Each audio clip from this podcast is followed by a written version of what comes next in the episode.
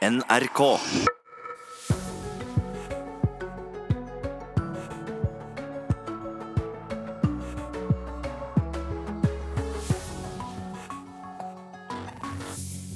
Det er en fin sommermorgen mange steder. Badevannet på kysten her i Sør-Norge begynner å få behagelige temperaturer.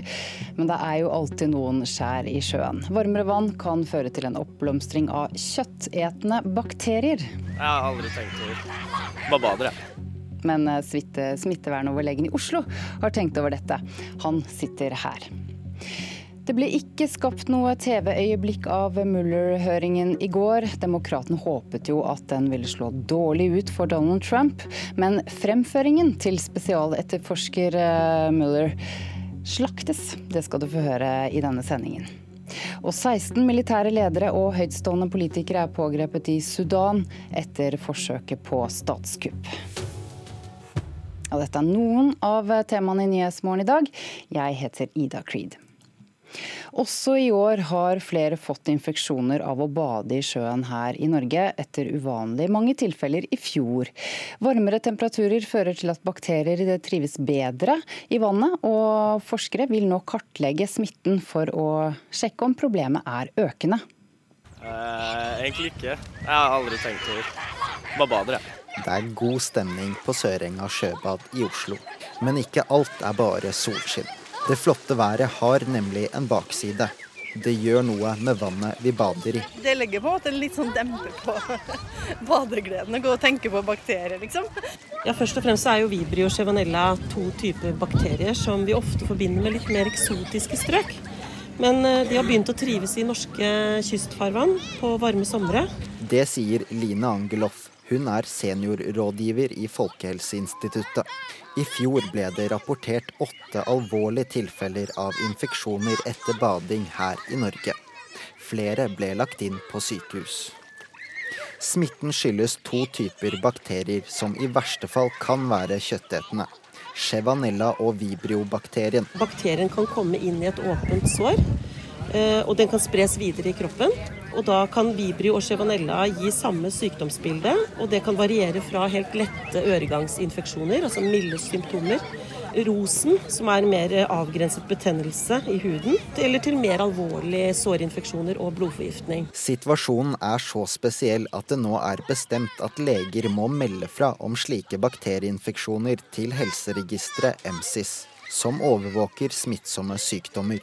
I år er det registrert tre tilfeller av infeksjoner etter bading. Vi skal finne ut om disse bakteriene er et økende problem, og i tilfelle hvorfor, sier den italienske biologen Etor Amato. Han leder Folkehelseinstituttets nye prosjekt. Her samarbeider de med seks andre land for å følge med på bakterienes utvikling og hvordan de rammer pasienter. Amato forteller at målet er å kunne gi bedre råd for å forebygge infeksjoner i fremtiden. Kjøttetende bakterier høres skummelt ut, men Folkehelseinstituttet vil understreke at det ikke er grunn til badeskrekk. Vi er ikke generelt bekymra over at vi får bakterier i vannet, så lenge vi tror at god informasjon er viktig, og at folk tar vanlige forholdsregler ved bading. Og det som er viktig nå, er at vi får fremskaffet mer forskning på temaet. Og slik at vi vet mer om utviklingen av disse typer infeksjoner både tilbake i tid, men også fremover. Rådene til Folkehelseinstituttet er å dekke til åpne sår med vanntett plaster når man bader. Får man sår i vannet, bør man raskt skylle med ferskvann. Særlig personer med svekket immunforsvar bør passe ekstra på. Ellers Det er bare å bade. Altså, det skal bades. Det er sommer, det er gode temperaturer, det er flott å bade, og det er godt for helsa. Reporter Iljad Rostami. Ja, det er bare å bade, hørte vi her. Smittevernoverlege i Oslo kommune, Tore Steen. Hva slags kontroller gjør dere egentlig for å sjekke forekomsten av disse kjøttetende bakteriene? Ja, vi har, vi har jo et overvåkingsprogram for badevann eh, i, i, Oslo. Det er sikkert mange andre kommuner også. Men det er viktig at, å få sagt da, at da overvåker vi forekomst av tarmbakterier hos dyr og mennesker. Tarmbakterier, altså Ja. ikke disse Vi fanger ikke bakteriene? opp de. Så vidt jeg forstår er det veldig komplisert å overvåge disse. Så det, vi fanger ikke opp disse på vanlig overvåking. Så det, da kan man ikke si noe om, eh, om det er økende, eller hvor mange eh, av disse bakteriene som er i badevannet, rett og slett? Nei, det litt paradoksale er jo at når det er fint vær som nå, så er ofte denne, det viser ofte dette vanlige overvåkingsprogrammet veldig gode resultater. Og det trenger det ikke å være. akkurat nå, men akkurat når det blir så varmt som nå, så er det dessverre sånn at risikoen for at disse kjøttdannende bakteriene skal begynne å formere seg, den, den, den øker. Nemlig. Hvor omfattende skal spredningen være før dere går ut med råd om å holde seg unna badevannet da?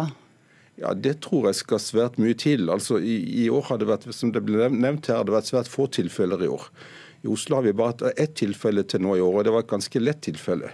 Men i fjor var det mange. I fjor var det mange, og, og flere av de var alvorlige. Men selv da så ble det jo ikke gitt noen, eh, noen generelle råd om ikke å bade. Hvorfor tar man disse bakteriene såpass på alvor? Det er som det blir, Vi kaller det jo kjøttdannende bakterier, så det ligger jo nærmest i navnet. Ja, hva skjer hvis man Ja, blir De kan jo gi alt fra lettere Ofte så gir de jo bare sårinfeksjoner, og de har også en tendens til infeksjoner i øregang. Men, men i, i noen tilfeller så kan de altså trenge dypere inn i eh, kroppen. Hvilke symptomer skal man se på hvis man er bekymret og lurer på om man skal gå til lege? Hvis du har bada og hatt et sår, eller fått et sår under bading, hvis såret blir veldig rødt og irritert kanskje noen dager etter bading, eh, så kan du jo overveie å gå til lege.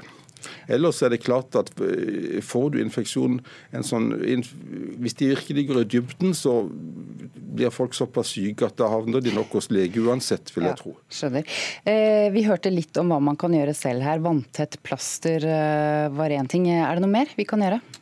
Ja, jeg tenker at eh, det er jo sånn at De som er mest utsatt, er folk som har sår, som det ble sagt. Og så er det jo sånn at folk med, med, med, med, med nedsatt immunitet har generelt økt risiko. Og, så er det dessverre sånn at Eldre mennesker har jo, får jo litt dårlig, dårligere immunsystem med alderen. Badesko, er det riktig? Badesko er lurt så så en ikke skjærer seg under bading. Og Så kan det være lurt å ta korte bad hvis det er veldig varmt, og så er det lurt å dusje etter bading og tørke seg godt. Det er sånn generelle råd som alle kan følge. Det er jo ikke særlig hyggelig å snakke om kjøttende bakterier på sånne fine sommerdager som dette. Er dette noe vi bør tenke mye på? Nei, jeg syns ikke vi skal tenke mye på det. En skal, skal bade og glede seg over det. Men det, det er lurt å ha det i bakhodet og ta visse forholdsregler. Bader du mye i Oslofjorden? Ja, jeg bader en del i fjorden. Takk for at du kom hit, smittevernoverlege i Oslo kommune, Tore Steen.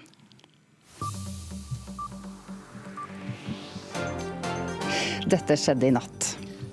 Nord-Korea har eh, skutt opp to raketter over Japanhavet, ifølge det sørkoreanske forsvaret. Ifølge Sør-Korea dreier det seg om kortdistanseraketter som ble skutt opp fra østkysten av Nord-Korea. Rakettene fløy kring 43 mil før de landa i havet. Og Nord-Korea har tatt en russisk fiskebåt med et mannskap på 15 i arrest.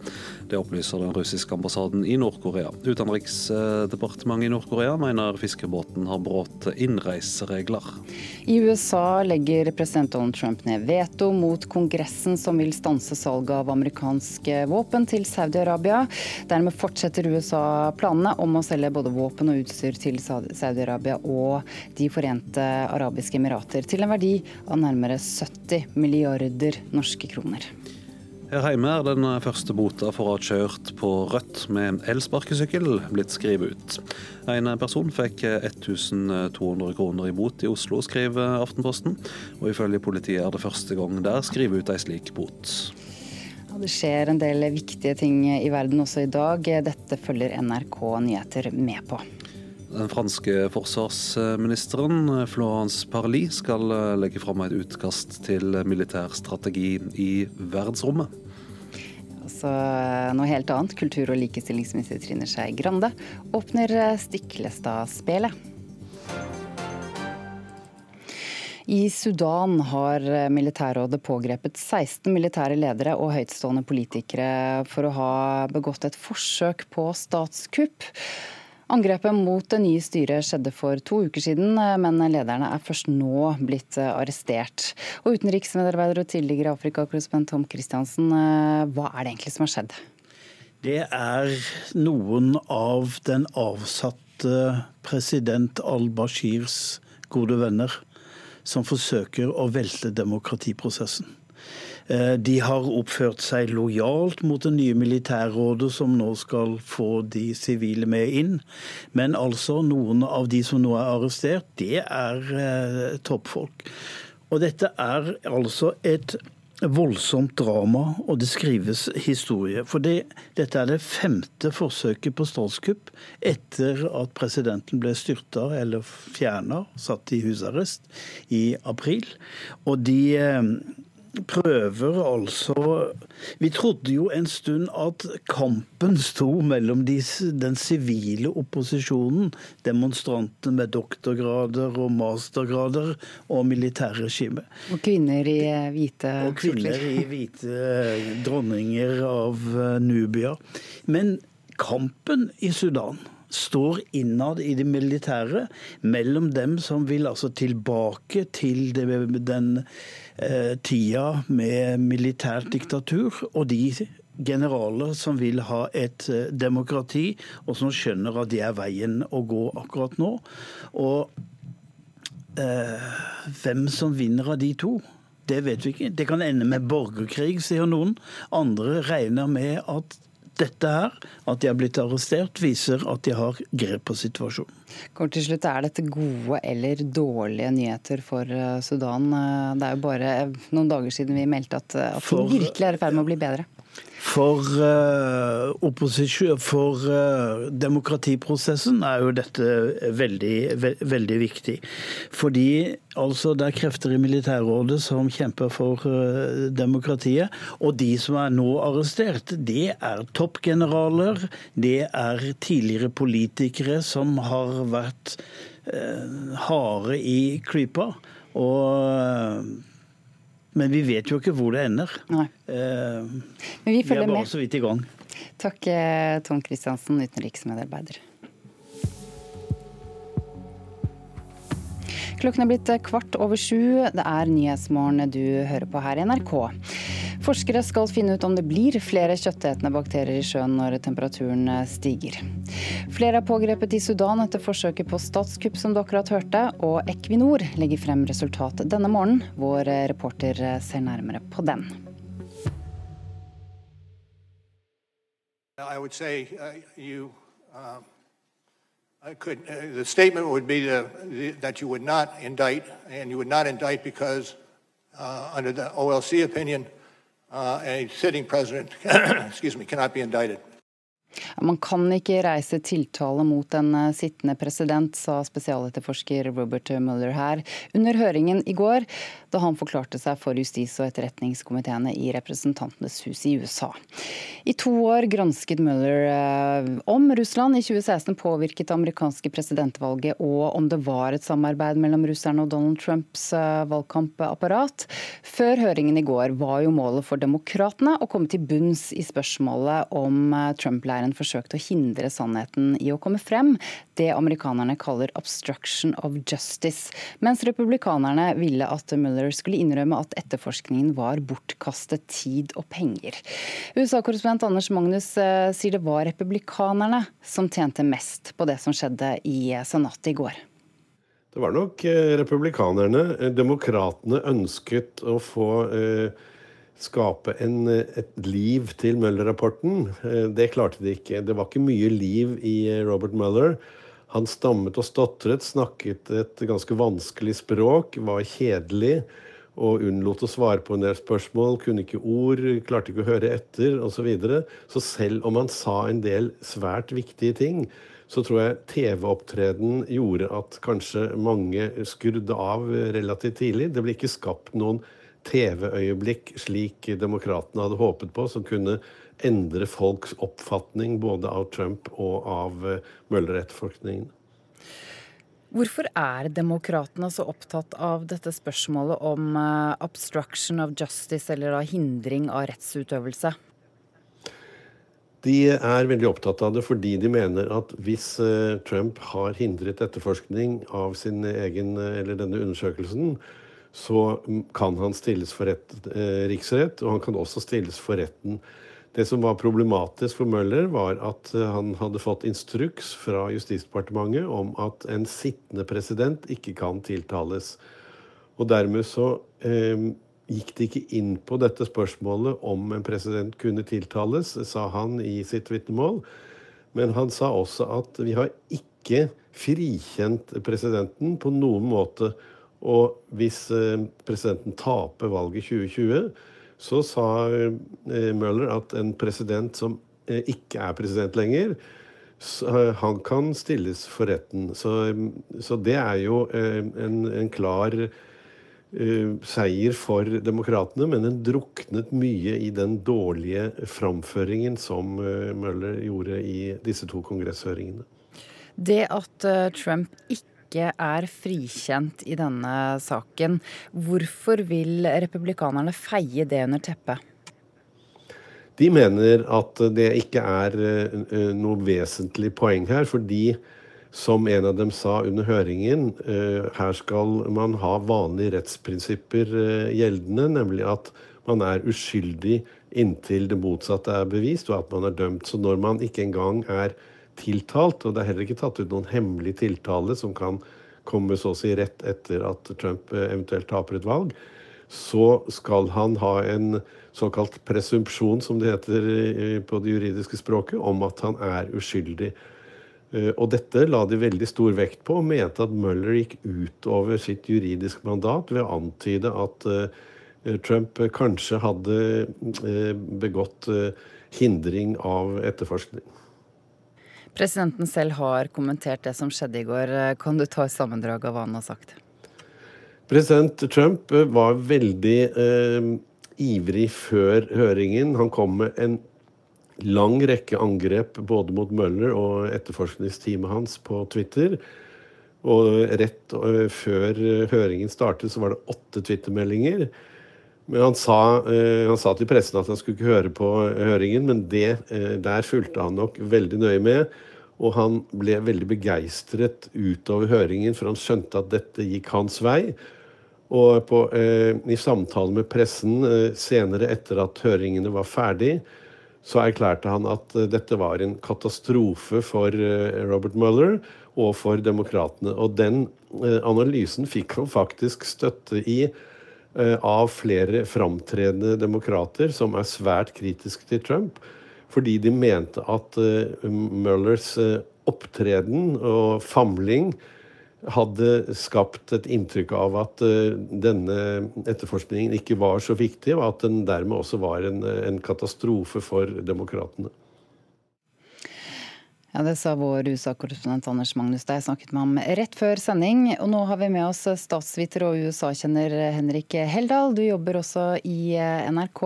Er det en gjennomgående slakt av innsatsen til eh, spesialetterforsker Mueller i Senatet i går?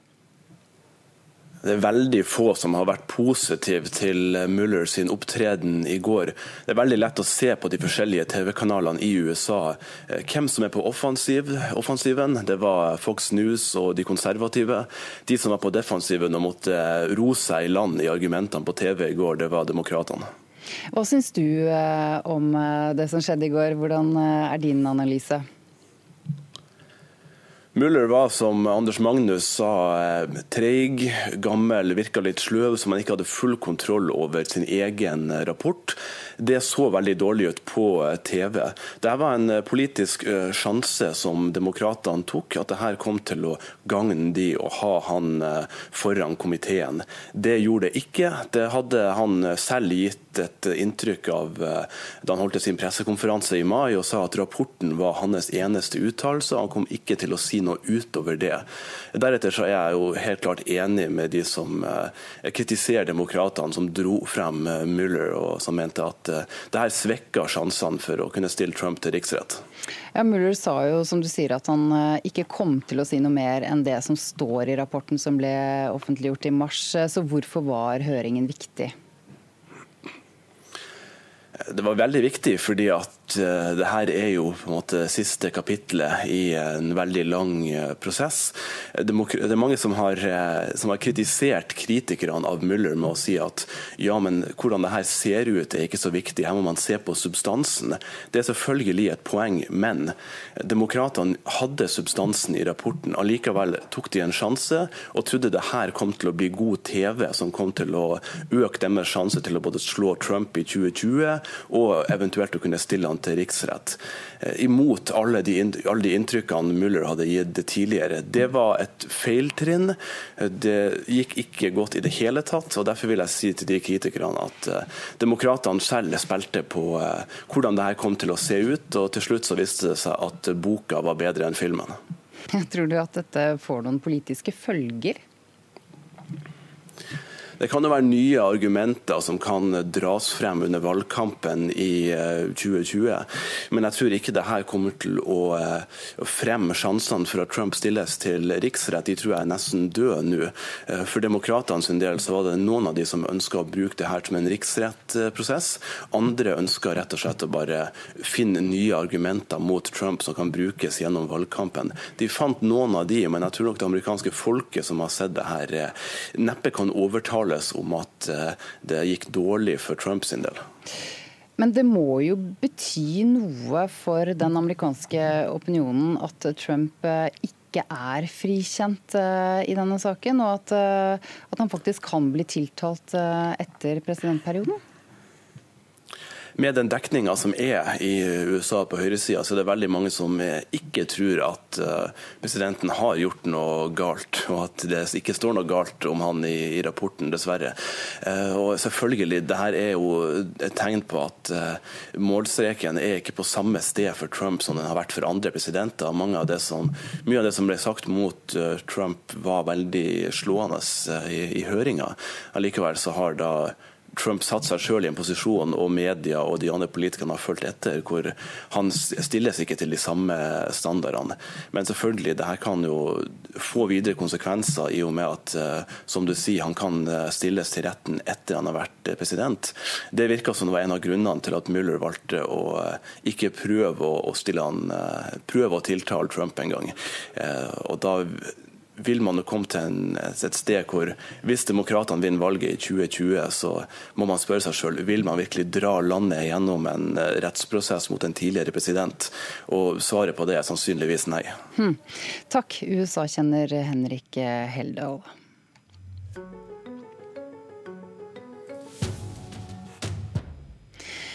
Equinor eh, har eh, levert resultatet denne morgenen, og det er svakere enn ventet. Eh, Equinor har lagt fram resultatet for andre kvartal, som viser at lavere råvarepriser svekker resultatene til konsernet.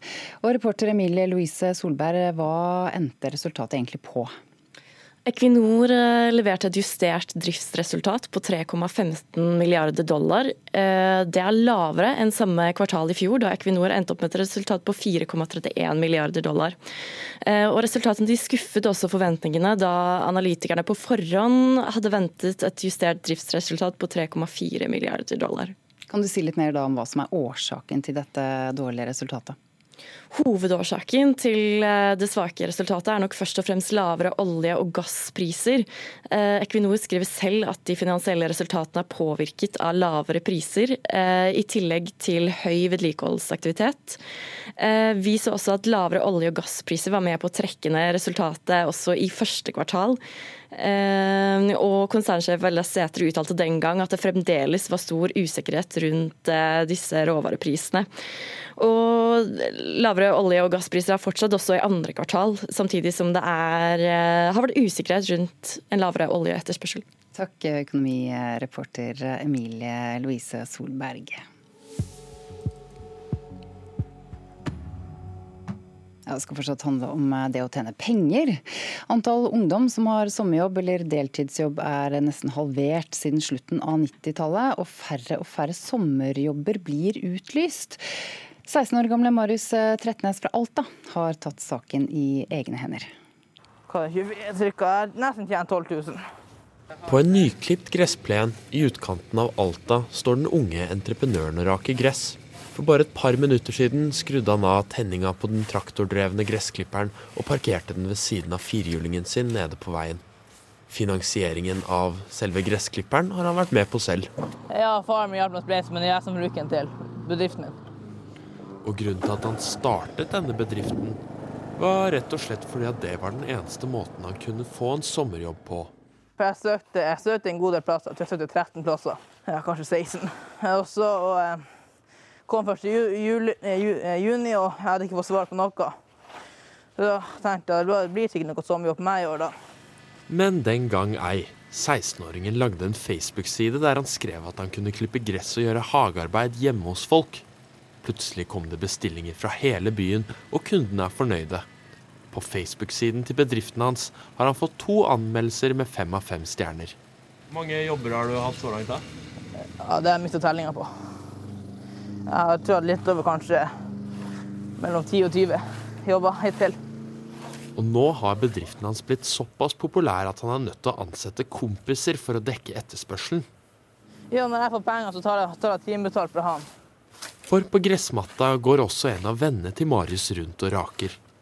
Marius sier de deler lønnen selv om han tar mest selv. Jeg, jeg, jeg tar mer for jeg må betale bensin, vedlikehold på både utstyr og ja, klær til både meg og han.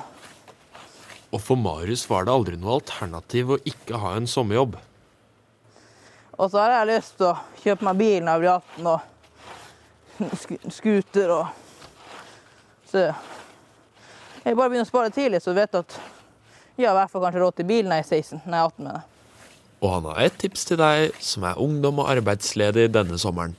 Skriv at du klipper plenen på Facebook. Reporter eh, Carl Biel. Dette er NRKs Nyhetsmorgen på radio, TV, nett og mobil. Bruken av cannabis blant ungdom øker og er en fare for folkehelsen, mener Venstre, som mener svaret kan være å selge cannabis over disk og dermed i kontrollerte former. Det syns fagfolk i helsevesenet er en dårlig idé, i hvert fall mange av dem. Og det skal vi snakke mer om eh, etter Dagsnytt.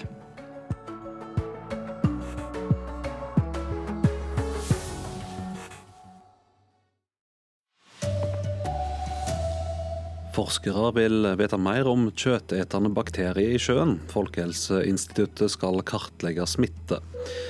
Flere partier vil ha vindkraftplan opp til debatt i Stortinget, men regjeringa har ingen planer om dette.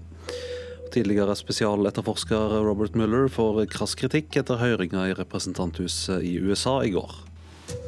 Her er NRK Dagsnytt klokka 7.30.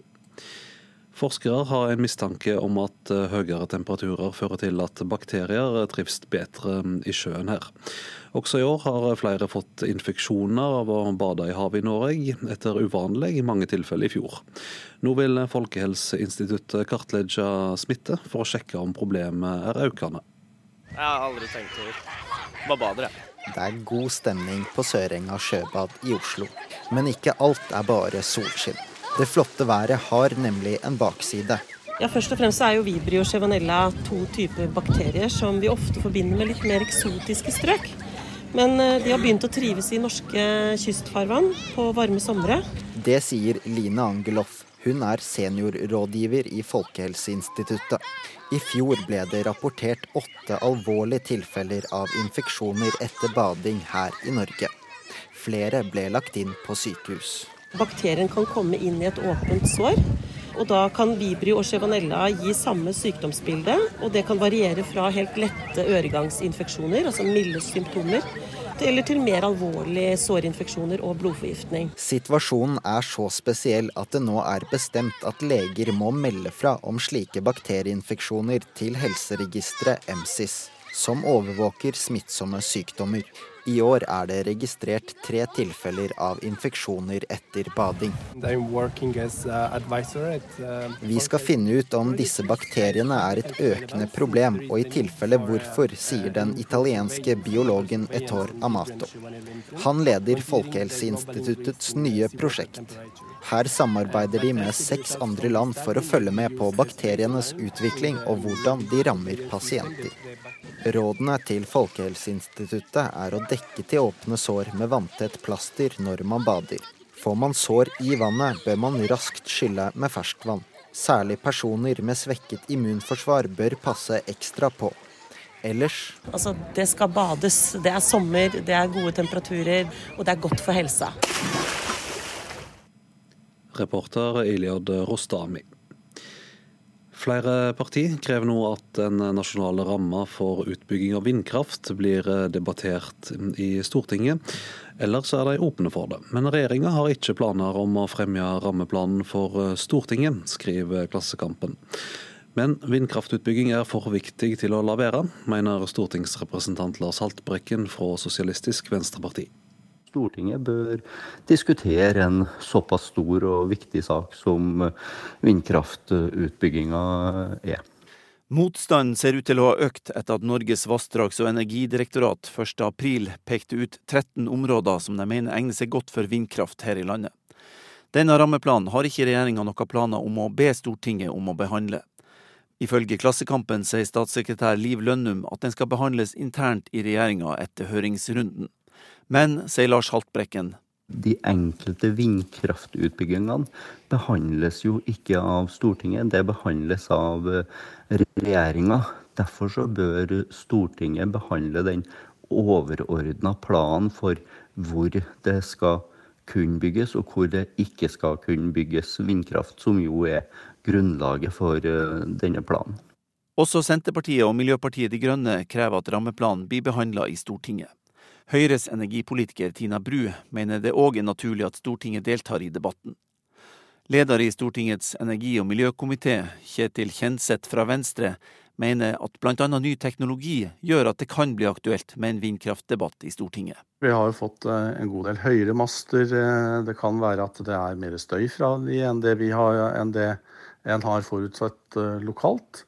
Og at det er større inngrep når en ser resultatet enn det en greide å forestille seg i forkant. Hvis det, er, hvis det kommer nye momenter i den høringsrunden, så, så er det en av grunnene til at jeg er åpen for at vi skal ta en ny runde i Stortinget. Reporter Kjartan Rørslett.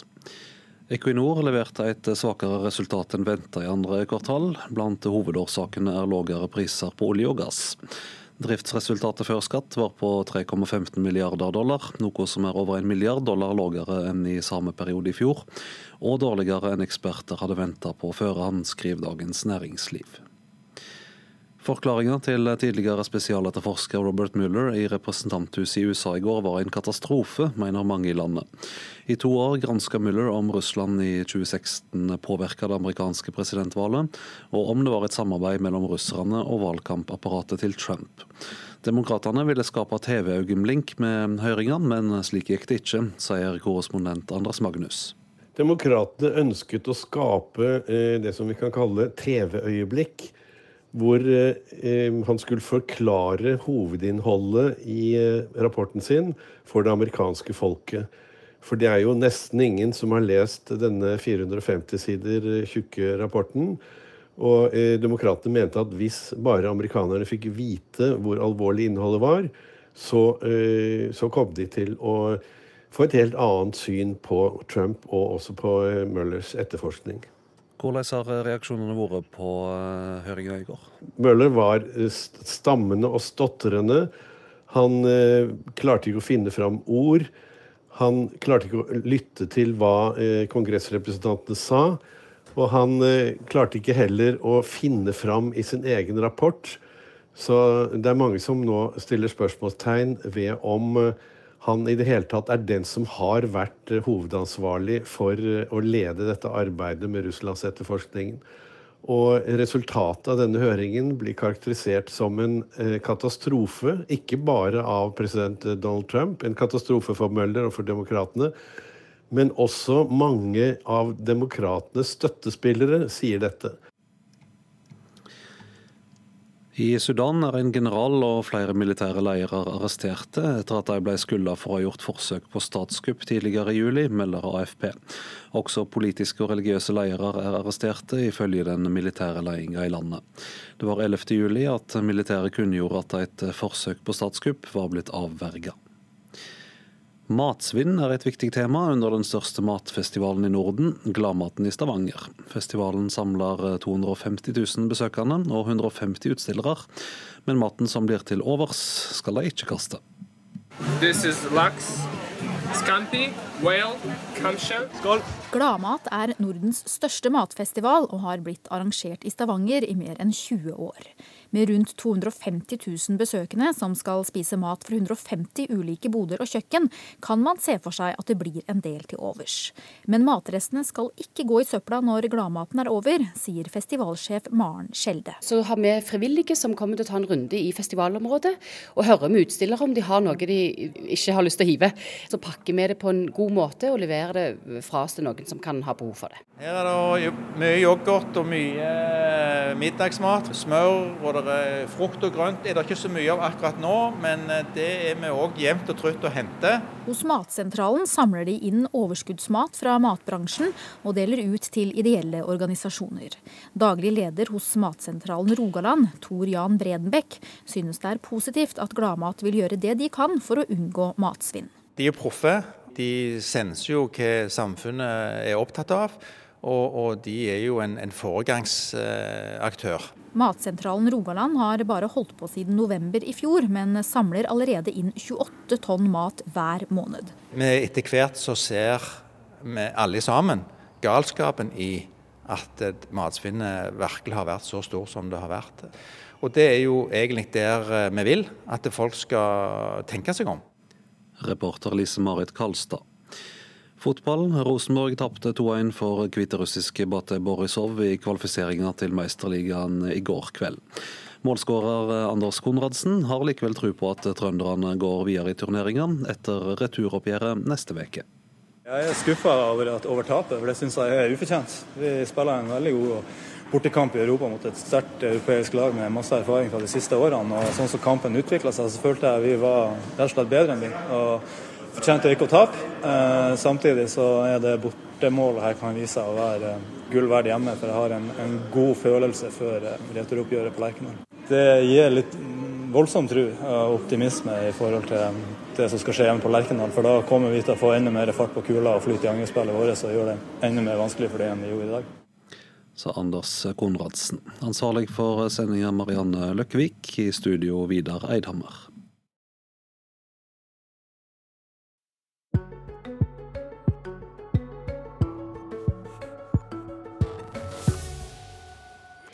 Bruken av cannabis blant ungdom øker. Og det er en fare for folkehelsen, mener Venstre, som eh, tror at svaret kan være å selge cannabis over disk, fordi da selger man det i kontrollerte former. Men det syns mange fagfolk i helsevesenet er en dårlig idé. Karl Erik Grimstad er helsepolitisk eh, talsperson i Venstre når cannabisbruken øker fra 2009 til 2014 med 40% så er det en veldig alvorlig situasjon. Jeg liker den veldig dårlig. Fra et folkehelseperspektiv så er det helt uh.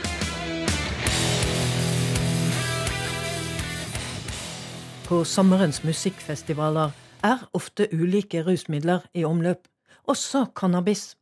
Men det er uansett ikke vanskelig å få fatt i, og det er blitt flere brukere.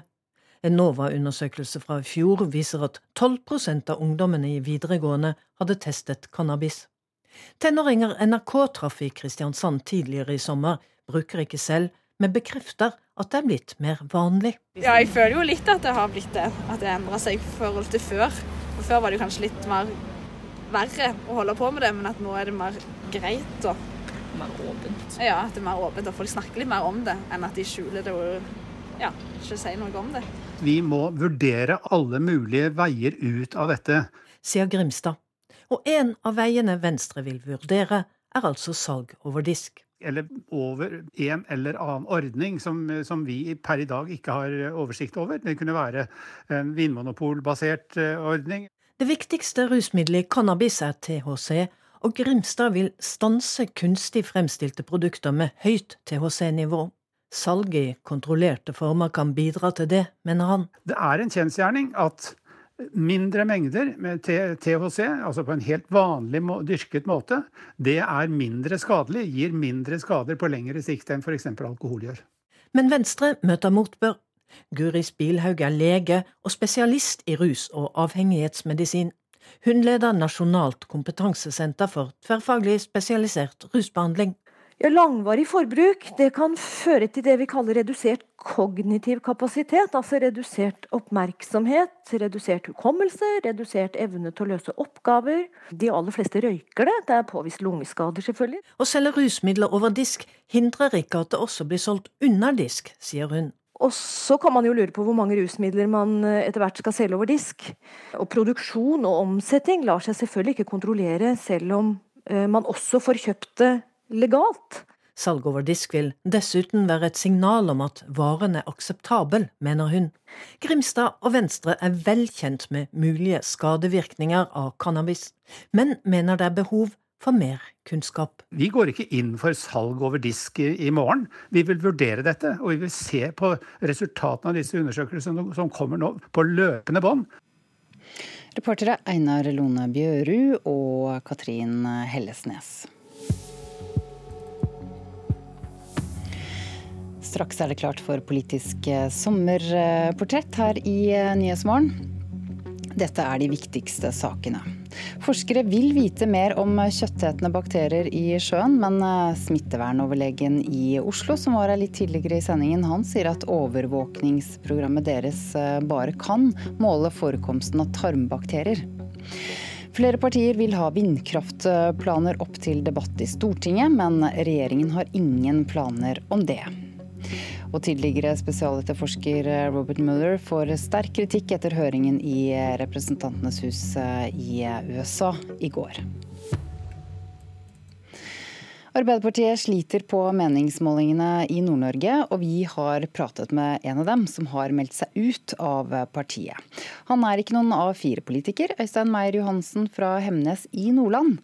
For å få oppmerksomhet har han satt fyr på biler, satt fri høner og sendt en full hane inn i en avisredaksjon. Til årets valg måtte han haste av gårde for å danne et nytt parti, Hemneslista.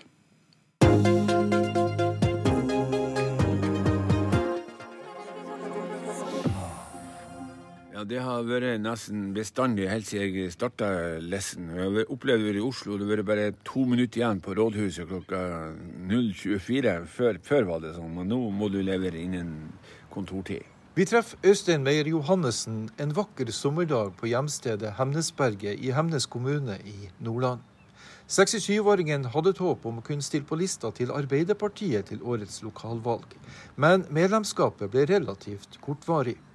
Derfor måtte han ut i all hast for å skaffe nok navn for å danne Hemneslista. Bare seks minutter før fristen gikk ut, ble lista levert. Jeg ble jo skuffet over at Arbeiderpartiet har ikke plass for en såpass eh, Jeg vil jo kalle meg tilhørende venstresida i partiet, men han kvitta seg med han Giske, og da har han ikke plass for meg. Så, eh, så jeg, jeg, måtte jo bare fære tilbake til, på, på, mine kne og be om eh, plass i Samfunnspartiet.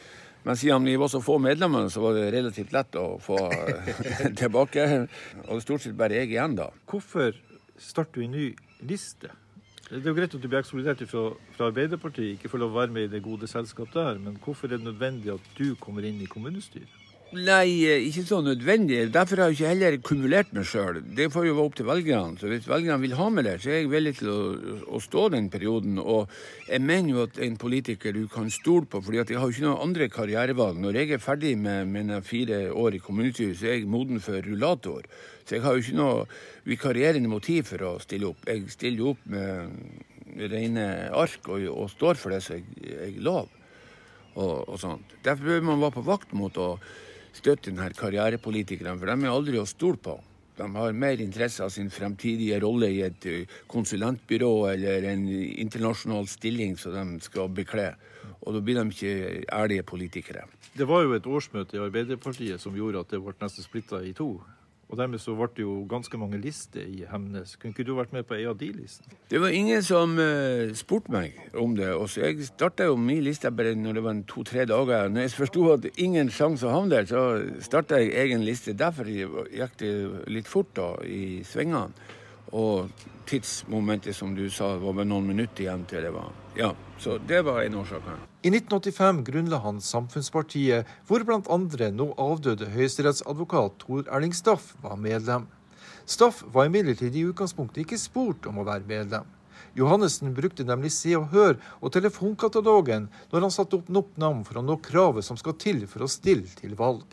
Mange en kjendis fikk seg en overraskelse når de kom på lista til mannen som sjøl kalte seg anarkist. Jeg er jo litt grann eh, kry av det at det har jo ført til at de nå har lova ved neste valg så skal det ikke være lov. Eller er det opp til kjendisene ganske lettvint å slippe seg unna. Men eh, det syns jo det strir mot de, de gamle idealene som, eh, hvor, hvor demokratiet har vært bygd på. Det er jo Platons tenkning om at at du skal ta et valg som en samfunnsplikt, og ikke som en promenadevei til suksess i, i, i, i Se og Hør og denne bladen. Så man behøver nødvendigvis ikke å være enig med deg? Nei, det, det, det, det er jo det jeg sier. De du har jo frihet. Om du blir valgt inn på Stortinget, så kan du jo forlate ditt eget partiprogram, og så var den mannen du er. Og det måtte jo være en drøm for noen av den der eh, kjendisene.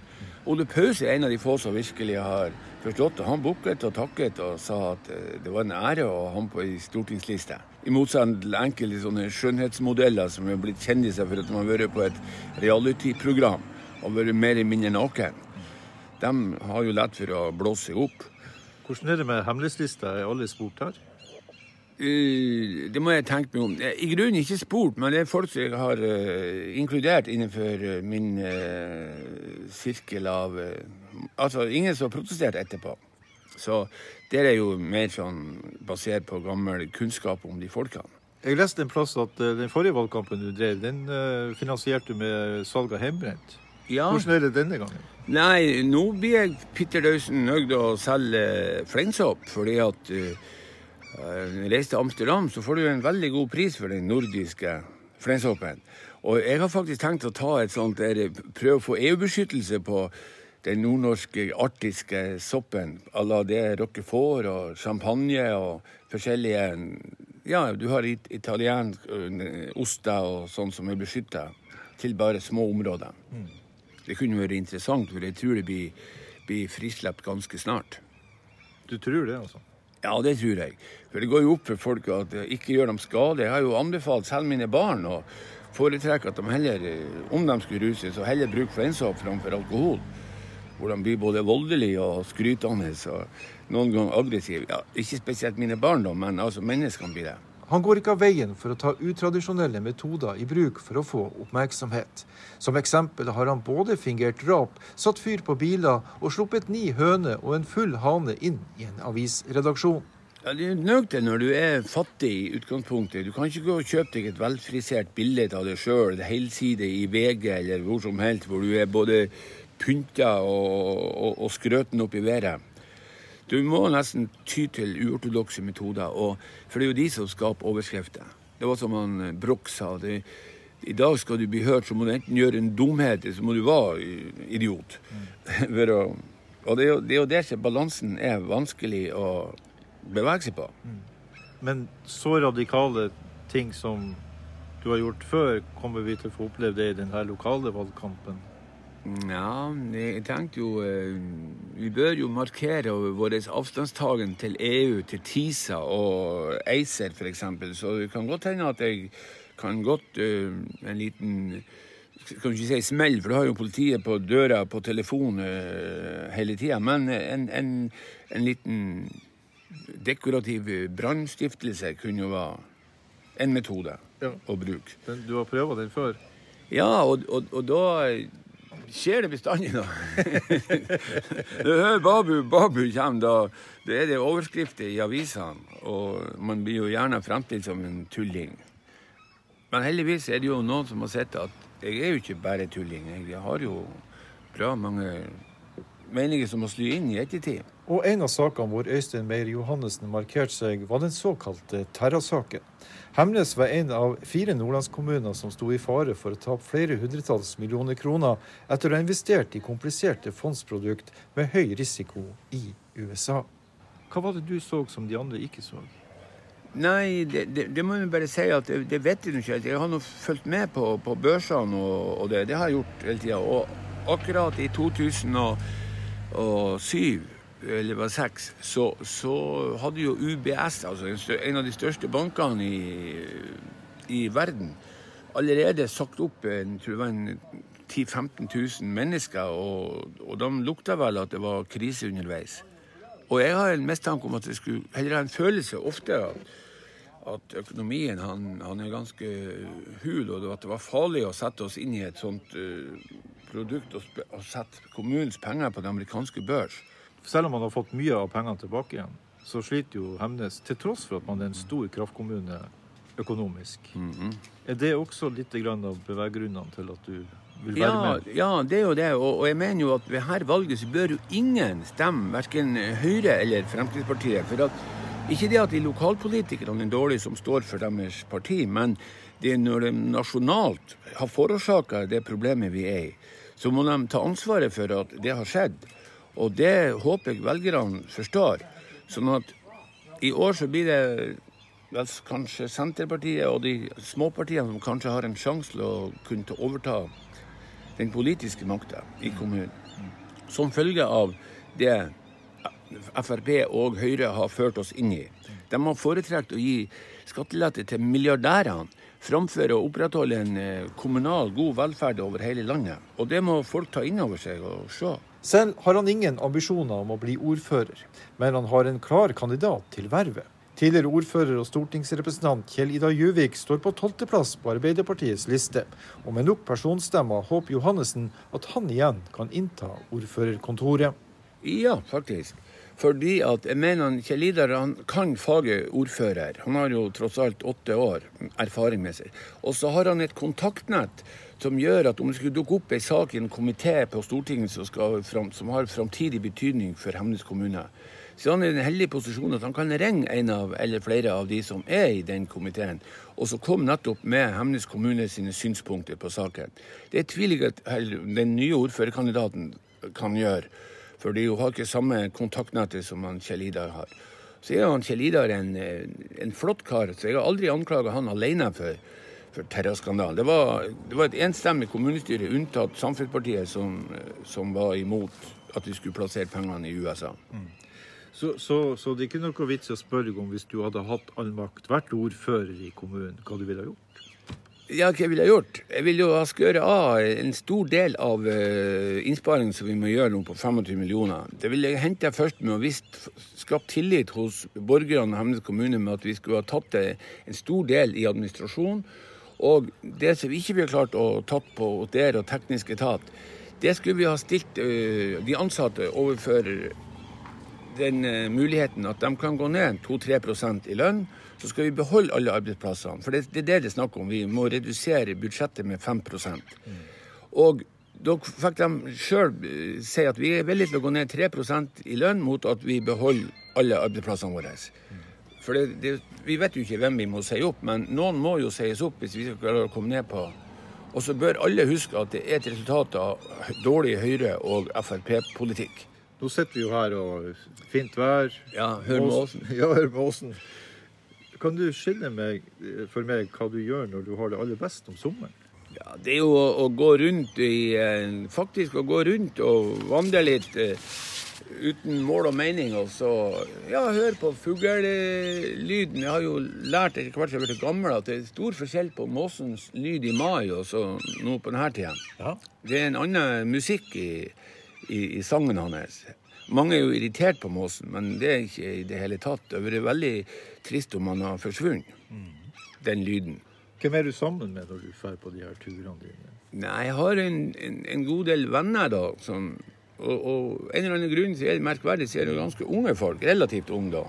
Når de blir 20-30 år yngre enn meg, så jeg vil jo si at de er yngre. Men det virker jo ikke å spille noen rolle. Vi har et slags uh, samhørighet i ja, måten å være glad på. Mm. Eller ta livet på en enkel måte. Flyr du på ferie i sommer? Nei, jeg eh, slutta å fly. Ja, ja, hvis jeg skal til Amsterdam, så må jeg jo fly. Iallfall én vei. Og, og det. Så du kjenner ikke på noe flyskam? Nei, det har ikke jeg tenkt sånn. Jeg ser jo ordet har dukka opp etter hvert. Og, og, og ja, det, det, det, har jeg ikke noe sånn spesielt forhold til. Jeg er ikke en sånn uh, grønn fanatiker. Men uh, det er jo kanskje ting vi bør begynne å tenke på. At vi bør ha et moderat forhold til forbruk av CO2. Mm. Men kan vi det i Nord-Norge, med de her lange avstandene vi har? og Nei, vi er, vi er, jo mer unnskyldt, mener jeg. For vi bør jo være de siste. Det er samme som vi sier i politikken. Vi, vi skal begynne i administrasjon og høvel nedover, og så ta fotfolket sist. og Det burde vi òg ta hensyn til når det gjelder her miljøskammen. At eh, de som bor grisgrendt, og hvis vi skal ha befolkning i Nord-Norge, så må vi òg ta vare på befolkninga og gi dem mulighet til å bo her. Mm. Da er jo spørsmålet betaler du i bommen med glede eller forbannelse? Jeg tenker så relativt lite over det. for at jeg, jeg, må si at jeg er kommet i den situasjonen at jeg er nesten en fri mann. For at jeg har så stor gjeldsbyrde at jeg klarer ikke å, å betjene Og da lar jeg noen ganger rives hundbøtene for at eh, Så jeg får stadig sånn påminnelse om at, eh, at det hoper seg opp en plass. Heldigvis så tar de ikke pant i bilen på, på, på bøtegjeld. Og så kjøper så billige biler at kemneren ikke orker å komme og ta den. Så det er stort sett til 5000 kroner og, og sånt. Men det er funksjonen jeg er ute etter. Kan, kan rulle av gårde. Kanskje litt sommerferie og så valgkamp. Hva blir slagordet? Slagordet nå, det, eh, ja, det, det satte vi nå, Jeg har faktisk ikke tenkt det helt ut, men jeg må jo lage noe som går på det at eh, Arbeiderpartiet det ligger i grus, og så må vi prøve å gjenoppstå som en slags eh, fugl føniks for ærlige og politikere som ikke har vikarierende motiver for sin politiske karriere. Reporter her var Frank Nygaard. Um, du kan uh, høre alle disse sommerportrettene som podkast hvis du søker på Politisk uh, kvarter. I en ny rapport fra Petroleumstilsynet blir det avdekket flere alvorlige feil rundt Goliat-prosjektet utenfor Vest-Finnmark. Det gjelder særlig mens riggen har vært under bygging, men også etter etter at prosjektet har vært satt i drift. Myndighetene vil at disse erfaringene skal brukes for å gi bedre utbyggingsprosjekter på norsk sokkel, sier Øyvind Midthun i Petroleumstilsynet. Vi forventer at eh, både operatører og rettighetshavere og leverandørindustrien setter seg inn i den kunnskapen som har kommet fram, og vurderer de anbefalingene som eh, utredningen kommer med. Fra myndighetens side så, så inneholder utredningen òg relevante innspill til hvordan vi jobber, og det er noe som vi har uh, sett på. Vi kan komme til å tilpasse vår uh, organisering og måten vi jobber på, sånn, sånn, at vi bidrar til bedre prosjekter og bedre uh, utbyggingsprosjekter i framtiden.